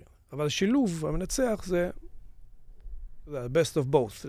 הכוח של הדיגיטלי והסאונד המדהים של המכשירים, טוב, היקרים, הבאמת יקרים. כן, דרך אגב, אני ראיתי לא מזמן, אני פחות כבר עוקב היום, אבל ראיתי איזשהם, אה, את ה- איזשהו מיקרופון condenser של איך קוראים לו, הבחור ה- שנראה סופר מגניב מלוס אנג'לס שעושה פלאגינים, שהוא גם תופף או משהו. איך? שי? סלייט, כן, בדיוק, כן. סלייט, סלייט, יש לו סלייט. סלייט digital. וראיתי איזה כאילו איזשהו ממש tutorial שהוא עושה איזה פרסומת מושקעת לאיזה מיקרופון שהוא יכול להפוך ל-15 מיקרופונים, אתה מכיר את זה, שי? אתה מכיר את זה, יורם? לא, לא ראיתי, זה אבל... כאילו אבל- מיקרופון שהוא נראה אנלוגי לחלוטין, הוא טוען שהם פיצחו את האטום, וכאילו זה בא עם plugin, עם איזושהי תוכנה שמתלבשת, ואתה יכול להפוך את זה לכל סאונד של מיקרופון שאתה רוצה בעולם. היו גם. מדמה כאילו? אה? מדמה סאונדים? כן, אבל כאילו בא הארדוור סופטוור ביחד. Mm. היו גם uh, ברזלים כאלו, כאילו איקוולייזרים שחיכו, אתה יודע, בלחיצת כפתור, לא עושה שם החברה, אולי פוקוס רייט, אני לא זוכר, קוראים לזה ליקוויד משהו. ויכולת לקבל. מזה כל מיני, uh, אתה יודע, זה מחקה את כל המכשירים הקלאסיים. תגיד, בסוף בעיניים שלך, מישהו שעושה את זה כבר אה, קרוב ל-50 שנה, אפשר להגיד כן? קרוב, 40 כאילו, שנה, 40 שנה. טוב, סליחה ש... לא. התכוונתי מאז גיל עשר, תשמע, כאילו. הגיטרה באמת, 13. כן, כן. 50 שנה. אנש- אנשים בחוץ, מה, הם מרגישים? הם לא יודעים, אבל האם הם מרגישים בהבדל שבאמת שומעים סאונד אנלוגי חם של מיקרופון מאוד יקר וקונסולה מאוד יקרה, או זה מת, מתאדה איפשהו בדרך? זאת אומרת, כמה זה משפיע באמת? יש כאלו שמבחינים בהבדל ויש כאלו שלא. אני, אה, לדוגמה, יש, אה, יש אה, DAW, תוכנת הקלטה, עריכה. תוכנת הפקה, כן. ש, שיצאה יצאה מזמן, אבל אני הכרתי אותה בשנתיים האחרונות של הריסון. הריסון זה יצרנית של קונסולות אנלוגיות כן. ודיגיטליות, והם הוציאו DAW שנקרא מיקסבאס. אוקיי. והדבר הזה נשמע מדהים. זה אני- פופולרי? כי אה, זה זהו, לא לא. ב-Cubase Pro Tools, זה לא, לוג'יק, זה לא, זה לא. כי אה, יש שם עדיין הרבה באגים. מעניין. ו... אבל אתה, אתה פותח שם הקלטות שעשינו בפלוטו, פתחתי מהמם. שם, ואני אומר, בואנה, זה לקח אותי לציוד האנלוגי בניו יורק. אתה מדהים. עושה סולו ל bass drum, אתה שומע סאונד כמו פעם. נשמע עד מדהים. anyway, הסיפור הוא כזה, אז אני כולי מתלהב, עושה עליה מאסטרינג, שולח ללקוח, אומר לי, תשמע, יש איזה כזה low mid כזה מעצבן. אני אומר, זה כל הכיף. יש איזה low mid, אנחנו רוצים את זה יותר לפנים. אמרתי, בסדר, הבנתי, אני חוזר אליך. פרוטולס, בום, במ, במ, שלחתי לו, אומר לי, that's it. יש כאן generation gap. כל דור, כל דור ודור, יש אנשים שמתרגלים לסאונד שתלוי כל הזמן רק בטכנולוגיה. זאת אומרת, לפי מה שאתה אומר, יכול להיות שאנשים היום רגילים מאוד לסאונד של אוזניות ושל סטרימינג, החבר'ה הצעירים כבר, והם לא עפים בכלל על סאונד שיצא פה ממוניטורים מאוד יקרים. לא עם כל בטוח ה- שהם השירות. יתחברו לזה, לא בטוח. מרתק, זה כן, רמה הסאונד פסיכולוגית. הוא- הסאונד מותאם להם היום יותר לצרכים שלהם. הם לא הם לא רגילים לשמוע אותו בצורות אחרות. יש סיפור ששמעתי על אה, ילד אחד שפשוט הכיר את כל השירים בוב דילן. אוקיי, ילד צעיר בגיל 16. כן. כל השירים, הוא שמע אותם ב-MP3 כל החיים שלו, ובמי הוא נתקל? בעורך של אה, סטריאו מגזין בארצות הברית. אמר לו, בוא, אני אשמיע לך בוב דילן. יש לו חדר, הוא אמר, סיפר סיפור, יש לי חדר ששומעים בו מוזיקה, יש בו רק כיסא. חדר האזנה. כיסא, בלבד. אמר לו, בוא, אעשה לך תקליט של בוב דילן, לא יודע, אתה יודע, הוא השאיר אותו בחדר, שם תקליט ויצא, הוא חוזר, הנער בוכה. הוא בכה. אני לא שמעתי כזה דבר בחיים, הוא היה... אחר כי הוא נעל אותו בחדר, הוא רצה את האוזניות שלו. כן, סתם, שריטות על הקירות, כזה. לא, אבל, לא, אבל מעניין. זה מדהים לא, כמה, לא. אני אומר, יש פה אלמנטים פסיכולוגיים במוזיקה, בהאזנה וכל הפער הדורי. טוב, אז ככה, אה, בתחנות במסע, קודם כל, יש לי בעיה עם הסיפור שלך. מה הבעיה עם הסיפור? בוא נאתגר קצת יורם וזם. בדרך כלל מדברים איתו על ביטים, על EQ, על זה, אנחנו רוצים לדבר על ה-EQ של הנפש ושל המוח, זה, זה יותר מעניין. Uh, וכל המסע נראה מאוד נחמד, זה כאילו נשמע כמו סיפור של דובון אכפת לי שהוא sound engineer. באתי לשם, בום, פתחתי פיירהאוס, פה, פה, היפ-הופ, סאונד, uh, עסק, שבע עובדים, זה.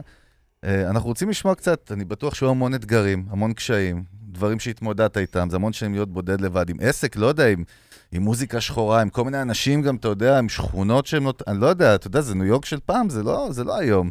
ספר לנו על זה רגע או שתיים של משהו קשה שעברת שם, איזושהי התמודדות שהייתה לך, ואפילו, הנה, יש לי הזדמנות גם למוסר, אתה יודע, ככה, לתת קצת תובנות. שני סיפורים, שני סיפורים. אחד, לא. אחד מאוד עצוב, מאוד עצוב.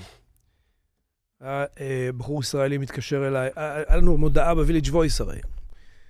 אז התקשר... המודעה המפורסמת. כן, פיירהאוס. מתקשר אליי, אמר שם, looking for a studio, הוא דיבר, אמרתי לו, "אה, אתה ישראלי? הוא אומר, כן. אני מחפש אולפן להקליט את המוזיקה שלי. נהדר, אני פה, אני יכול לעזור לך. אמר לי, לא, לא, אני מקליט את המוזיקה שלי. אה, עזוב אותי, דחילק.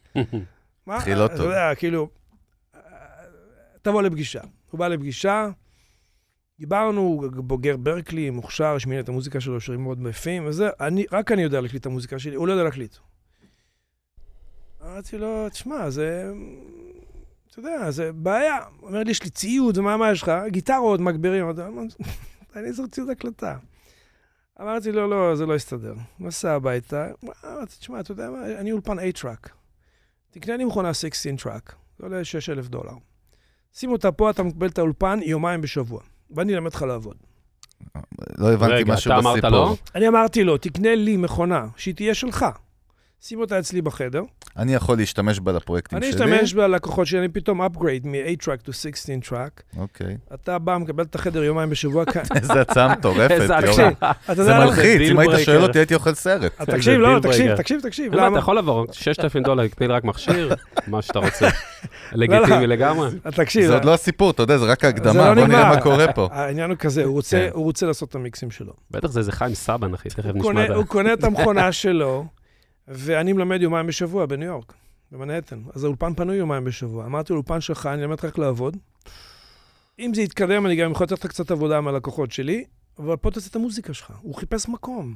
וואו. הוא היה מוכן, הוא קנה מכונה, היא שלו, היא לא שלי. היא יושבת אבל אצלי, פתאום נהייתי 16 track, all of the sudden, or 5 hours, 8 track and 16 track studio. טוב, אחרי חצי שנה הוא עבד קצת עם לקוחות, הוא אמר לי, יורם, אני חייב לצאת, אני חייב לפתוח מקום משלי. אתה כבר נהיה בוגר, הוא רוצה לפתוח אולפן משלו. פתח במנהטן, והוא למד ממני איך עובדים. First you get a 50% deposit, תביאו את הכסף up front, ו...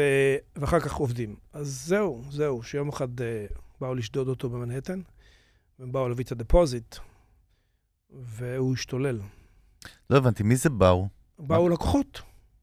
בא. איזה לקוח שהוא הכיר, אמר לו, I'm coming with... with קיצר שמה, מחוברים לגנגסטרים? הם באו לשדוד את האולפן שלו, זה היה מוזיקאים. ראפרים. יואו, ראפרים, והוא וואו. התנגד, התנגד והם... shot him כאילו? וואו. לא, שמו לו גאפה והוא נחנק. מה וואו. אתה אומר? כן, שנת 90, לפני 30 שנה. או-אה, וואו, מסכן, ככה הוא גמר את החיים. וואו, איזה... אז זה לא הכל ורוד, אפרופו טוב, הנה, ביקשנו ו... קשוח מאוד. אז מה, לפי מה שאתה אומר, זה. הסיכון של המקצוע? אז אני לא מבין, מה? עכשיו, אוקיי, זה ה number 1. זה זה גרם לך גם נדלקו לחשוב... לך נורות? זה היה בדיוק. מפחיד, בוודאי, זה היה מפחיד מאוד. אוקיי, זה כאילו... וכמה חודשים לפני כן שמענו על engineer בניו יורק, שהיה איזה ראפר שאמר לו, אין לי איפה לישון. אז הוא אמר, you could stay my apartment, בא אליו לקווינס, בא לדירה, והוא לא ידע שמחפשים אותו. "מ, ובאו לחפש את הראפר הזה, ומצאו אותו וירו בטעות ב engineer. די. אז כבר התחיל להיות shaky ground, זה לא מוזיקה כבר. אה, היה כבר לא נעים. שנת אה, 90 ו... לא יודע, שבע. במשהו. ש- שבע, חמש, שבע, אני כבר מתחיל להתחזק רוחנית. וואו. בבוקר, שבע וחצי טלפון. שבע וחצי טלפון בבוקר בניו יורק זה כבר חמש וחצי בארץ, מי מתקשר בשעה כזאת? כן. אמרתי לאשתי, או, הלו, בריין, studio manager. What's happening? הוא אומר לי, we got hit. What, what happened? Armed robbery. What, everybody okay? אומר לי, כן. שוד מזוין. שוד מזוין. כולם בסדר? אומר לי, כן. אוקיי, fine, ברוך השם. אוקיי.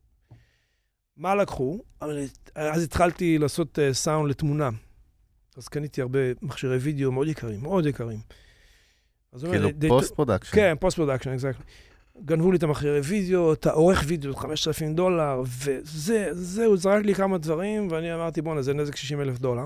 לא, והביטוח היה וכאלה? ביטוח, היה ביטוח, אבל 60 אלף דולר, זה לא נעים. "מ, אמרתי, מה עושים? הולכים לבית הכנסת. הייתי אז בעל תשובה, אני הולך לבית הכנסת, נתפלל. בית הכנסת מסביבי זה הכי מצחיק. אני אומר, אני אומר לרביי, רביי, you and I are only, one- only ones who are not lawyers here. כולם פה lawyers, כל הבית כנסת היה מלא עורכי דין. ואני הולך לשם, אחרי התפילה נדבר איתם, זה ב-DA אופיס, זה בזה, זה. אמר יורם, don't worry. בסדר, לא שהם עזרו, משהו כאילו היה מה לעשות, חזרתי, הלכתי לאולפן. לא אמרתי, keep positive, לא הרגו לך אף אחד, keep positive, keep positive, רב נחמן אומר, if, אתה יודע, keep positive, הכל יהיה בסדר. הלכתי, אני נכנס לחדר, ואני אומר, וואו, ברוך השם. אוקיי, יש לך ברק מכשיר של API שעולה 12,000 דולר, ועל ידו מכשיר סמפלר של 2,000 דולר. הם לקחו את הסמפלר, כי זה מה שהם רוצים. יש DAT machine, שגם כן עולה איזה 800 דולר, על ידו, אתה יודע, לקחו את הדברים שהם רצו, ואת הדברים העיקריים בווינטג' הכי איכותיים שהיו לי, לא נגעו בהם. כי הם לא יודעים לטפל ולא היה מעניין אה, אותם. כן, רצו, רצו לעשות מוזיקה, you know? קודם כל, אתה מבין שאנחנו מדברים על זה שהיה שוד מזוין באולפנים? זה משהו שלא נתפס היום? זה לא... מי... די, פרוץ, תביא את ה-M אודיו? אתה יודע, אני שמע, לך. לא חשדת שזה אולי איזה inside job כזה? איזה משהו, איזה זה- informer, משהו, איזה עניין? ה manager זיהה, ה manager זיהה אה, מישהו מהלקוחות שהסתובב שם בפרוזדור, היה לנו מצלמה וכולי, "מ, והיה מתוכנן, הם באו וקשרו את ה... היה ראפר יכול להיגמר ברצח בקל. ככה. לא לא קרה. כלום, לא קרה כלום, אמרתי fine, כי הרביצו קצת מכות לראפר בשם Punisher. Punisher got punished, הוא נהרג, כן. הוא נפטר בסוף. אה, באמת? הוא מת בסוף, לא מזה. אה, אה, הרביצו ל manager, הראפרים הרביצו למנג'ר שהוא לא שמר עליהם. והיה גם גל כזה, גם היה גל כזה בכלל, היה איזה מגמה כזאת של פריצות ושודים וכאלה באותה תקופה. זה התחיל להיות לא נעים, התחיל להיות לא נעים. כן? התחיל להיות לא נעים, כן, התחיל להיות לא נעים. יש AES שואו, פעמיים בשנה. תערוכה. Audio Engineering כן. Society שואו של ציוד הכי חדש בטכנולוגיה, אתה יודע. עד היום, לא? ובתקופה ההיא, אתה יודע, התחילו, הגיעו לשם חבר'ה, התחילו לגנוב ציוד מהתערוכה עצמה. יואו, לא זה היה רואים תקופה בעיניים. כזו לא נעים, Mm. לא נעים. לא, לא קורה היום, זה כבר לא קיים. לא, לא, כי זה התחיל, בהתחלה ההיפ-הופ היה כזה מאוד, אה, איך אומרים? מחתרתי? hoods. לא, יותר innocent, יותר... בלי קעקועים. אתה יודע, היה בלי מאוד קעקועים, אחי. מגניב. כן. אחר כך ראו שעושים בזה כסף, אז התחילו להיכנס כל מיני כאלה שלא כן, קשורים. גם בגדולים, דרך אגב, ב-NWA, כל הסיפורים שאתה רואה, זה רציחות, זה איומים, זה כסף, זה חיסול, זה... מעורב שם הרבה בלאגן. אז האמת שהרגשתי שאצלי איכשהו נמשכים אנשים עם good vibe. היו, היה את המקרה הזה שמאוד כן. חריג. בקיצור, שתדעו לי, בסוף ראיתי איזה 25 אלף דולר. אמרתי, נו, נהדר. החלפתי ציודים, התקשרתי לחברות, ביקשתי הנחות. אמרתי להם, היה לי שוד מזוין. וואו, וואו, עשו לי הנחות נהדרות, קיבלתי ציוד חדש, וזהו, רק ה-reputation, המוניטין של המקום קצת נפגע. זהו, אתה מתחיל פחדו להגיע. לשם, Mm. אמרתי, פיין, אתה יודע, בסדר, לא, הכל בסדר. אחרי שלושה שבועות, טלפון. אני באולפן, טלפון, הוא אומר לי, היי, uh, uh, is this firehouse? הוא אומר לי, כן, כן, אומר לי, "I- I- יש לי חנות לציוד משומש באטלנטה. זה, אתה יודע, זה עשר שעות עם רכב משם. הגיע פה uh, איזה מיקרופון שיכול להיות שהוא שלך. אמר, "או, מה אתה... Earthworks, uh, CK, whatever, 30, לא זוכר מה. אמרתי, כן, תשמע, יש לך מספר סידורי, הבאתי את הרשימה, הרי הגשתי לביטוח כזה, Mhm. הוא אומר לי, כל הציוד שלך אצלי. וואו, בן או, אדם. אה, סחטיין. אמרתי לו, וואט? זה מפנה. בעלילה.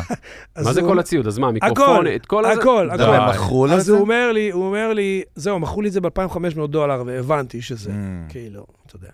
כל הכבוד שהוא התקשר אליך בכלל, אז זה אין אז דברים שילמת כאלה. לו בעצם? שלמתי לו בוויזה מה השאלה? 2,500 דולר, הוא שלח את זה בבל ראפ. איזה צדיק אה, אה, נסתר הבחור. אתה- קולט את הקטע? זה לא לא טבעי. נסעו, נסעו, נסעו עשר שעות, הגיעו לבן אדם הזה, והוא החליט להחזיר לי את זה. וואו, פש, אמרתי. וואו, karma is a bitch יכולה להיות גם good bitch, כאילו. תראו. או משהו יפה, כזה. אהבתי. ציוד חזר, כל הראפרים אומרים לי, יואב, יואב, עשית קטע על החברת ביטוח, לא? seriously, guys, I'm serious. תגיד לי ככה לסיום, אתה, מתעייף? זה משעמם אותך כבר לעשות את זה המון המון שנים, או שאתה עדיין, יש לך את ה passion הזה של ה... יותר ויותר, מה אתה מדבר? זה כן? כאילו, כן, יותר ויותר. יש אנשים שנשחקים, שכבר, זה נראה להם טכני ומאוד אה, factory. אני אגיד לך, אתה מגיע לשלב שאתה מתחיל ללמוד את הפסיכולוגיה של, של המקצוע הזה, שיש כל כך הרבה פסיכולוגיה.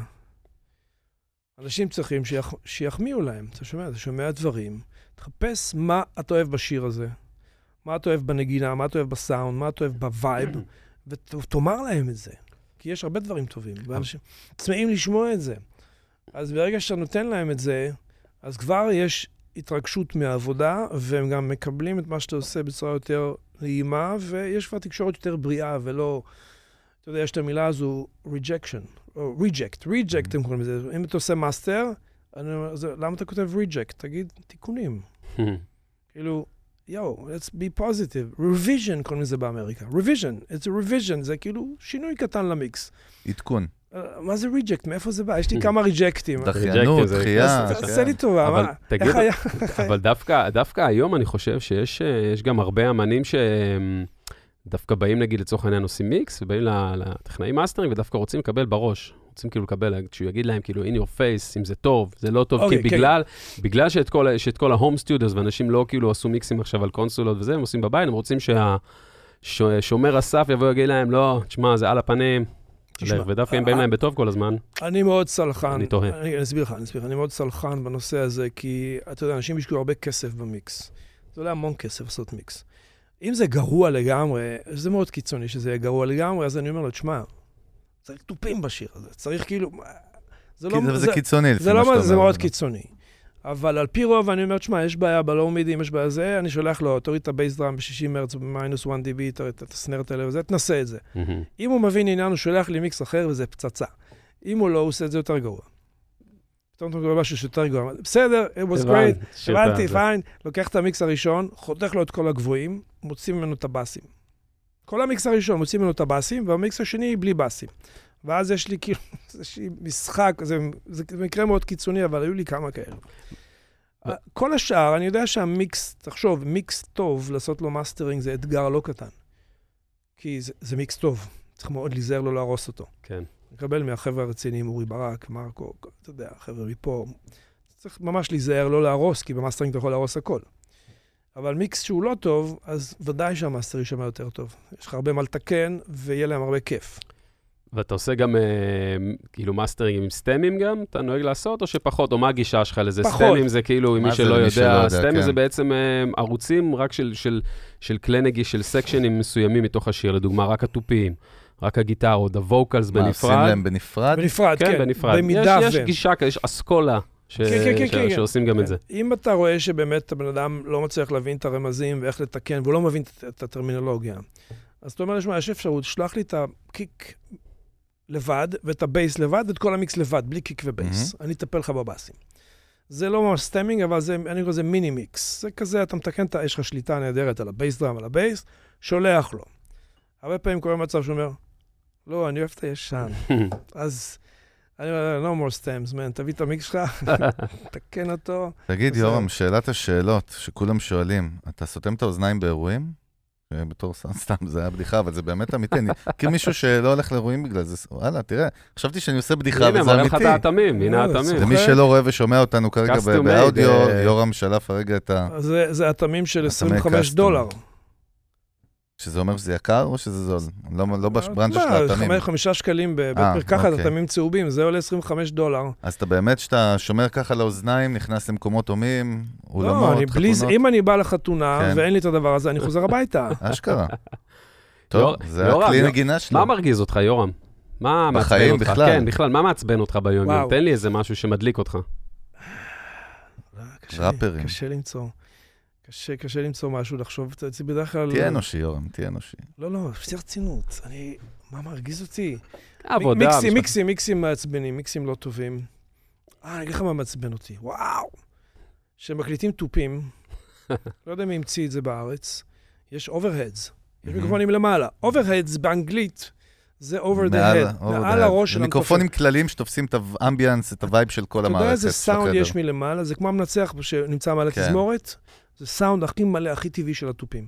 אז עושים לי טובה, חותכים לי את כל הבאסים בהקלטה ומביאים לי את זה בלי באסים. ואני יום אחד עשיתי איזה קטע בפייסבוק עם איזשהו GIF כזה מצחיק. אה, לא יכול יותר, למה אתם עושים את זה? אני צריך את הבאסים, יש באסים ב overheads של 60 הרץ, שאין במיקרופון שבתוך ה bass drum. מהמם. אין את זה. זה מלמעלה, זה אמיתי, המתופף שומע את זה. עד אני- כדי כך משפיע הסאונד? אני עושה איזה 10 dB boost ל overheads ב-60 הרץ, בסדר? אנשים שומעים את זה, אומרים לי, בוא, אתה משוגע. לא, יש שם, לא לכל השירים, יש שירים שזה לא מתאים. כן. אבל בהפקות שהן מינימליסטיות, בס, תופים, גיטרה, קלידים, שירה, זה עובד מדהים. זה מאוד מעצבן. זאת זה אומרת, מעצבן. שאם זה- אתה הולך ל- ליוחננוב ברחובות והקופאית עשה את זה עם אוברד וחתיכת, את זה, אתה מתעצבן עליה בקופה? בקבלה, מה איך- טוב, עוני, אני חושב שאנחנו נסכם. אה, נכון? יורם, היה לנו כיף גדול. באמת. ענק. היה מרתק באמת לשמוע על ככה את השזירה של הסיפור חיים שלך עם סאונד, עם מוזיקה, וקודם כל אתה עדיין בשיאך, ופיירוס היום איפה פעילה ככה, בוא, בוא נרים. אז היום ברחובות אני זה עובד כבר... בבית ברחובות. יש אתר, יש זה, גם אה, social media. לא, יש אתר ישן, אני אקח קצת זמן לעדכן אותו, יש אתר רגיל של זה המקום הזמן. הקודם. אבל... אה, פייסבוק גם, אפשר לפנות אליך, למי כן, שרוצה. כן, כן, ברגע מעניין. שאני אגמור וזה יראה גם ויז'ואלי, מאוד חשוב לי הוויז'ואל, שזה יראה ויז'ואלי מוכן, אז אני גם מעלה תמונות ו... וכולי. כרגע אני מעלה כל מיני רמזים, אתה יודע, כי זה עדיין לא מוכן. בקיצר, גוגל... שאתה מבין שאתה נכנס לאתר שלו, כאילו יש לך wall של כאילו discography, של דברים שהוא עבד איתם, כאילו אתה רואה שם. בערך את כל ה... Wall of Fame. אה, כמו שסיימון אומר, יותר קל להגיד עם מי לא עבדתי. כן. אז כאילו אתה רואה שם את הכל פשוט. מטורף. אז אנחנו באמת, אה, קודם כל, רוצים אה, להודות לכל המאזינים שלנו. אה, הקהילה, אנחנו מגלים שיש קהילה לדבר הזה שעוקבים אחרינו, אפילו שלפעמים שונאים אותנו ומעירים לנו, אבל ממשיכים משום מה להאזין לנו, אז זה, זה מרתק.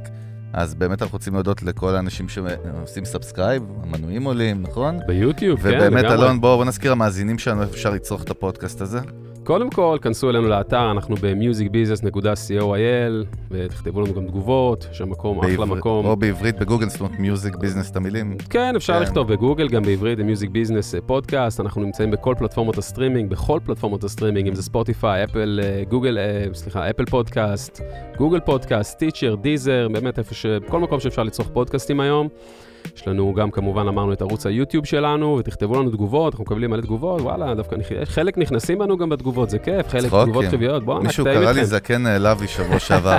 זה מישהו קרא למישהו בן 37 זקן, ונעלבי, נעלבתי עוד יותר. אז אוהבים אתכם ממה שאתם לא כותבים, וזה כיף, תמשיכו לכתוב כן. לנו, אנחנו, מה שנקרא, אנחנו נהיה אנחנו, אתם תהיו אתם, וכולנו אה, כן, צריך להיות. אותנטי לטוב ולרע. אז אנחנו. באמת רוצים להודות לאולפני פלוטו, שזה הבית של הפודקאסט הזה, ולכל הצוות הנפלא, לשי דיין, גדי פיינגולד, גל אזואלוס, בר ורועי ואלכס וכל החבר'ה הנפלאים. אה, אנחנו מזכירים לכם שפלוטו זה אחד מהאולפנים הטובים בארץ, אם בא לכם לבדוק מה קורה פה, יש לפלוטו אתר וגם סושיאל מדיה, ביוטיוב אולפני פלוטו, אחלה תוכן שהם מעלים, המון, המון סיפורים דרך אגב של בוגרים שעולים, שחבר'ה התחילו להפיק פה מאוד מעניין, להכניס קצת מאחורי הקלעים של התעשייה. ועכשיו אנחנו, טוב, זה לא רלוונטי כי פודקאסט הוא טיימלס, אבל נכון שי, עכשיו בדיוק אה, פתחים מחזורים, לא? עכשיו כאילו זה הזמן, ספטמבר. עוד שומעים את זה ב-2066, אז זה לא רלוונטי. אבל uh, באמת בית ספר לסאונד והפקה מוזיקלית, ואחלה מסלולים, אחלה מרצים, כולל אנשים כמו יורם וזן, יוסי פיין, ומהגדולים בארץ מרצים פה, אז check it out אם מעניין אתכם. וכן, גם אם אתה מתכנת באמדוקס בן 47, אתה עוד יכול ללמוד סאונד והפקה מוזיקלית, לא יורם? זה ודאי, ודאי. זה הזמן, אחרי שעשית חבילות, כי עכשיו יש קורונה ואין, כולם מפוטרים. אז טוב, זה הולך ומידרדר. בקיצר, אז אה, שוב, אנחנו רוצים להודות לכולם, ויורם, היה כבוד גדול. תודה, יורם, תודה, יורם כיף גדול. וזן. נתראה בפרק. הבא, אלון. טעם. ביי, חגי גולדובסקי, ביי. סלמת, טוני. צ'או.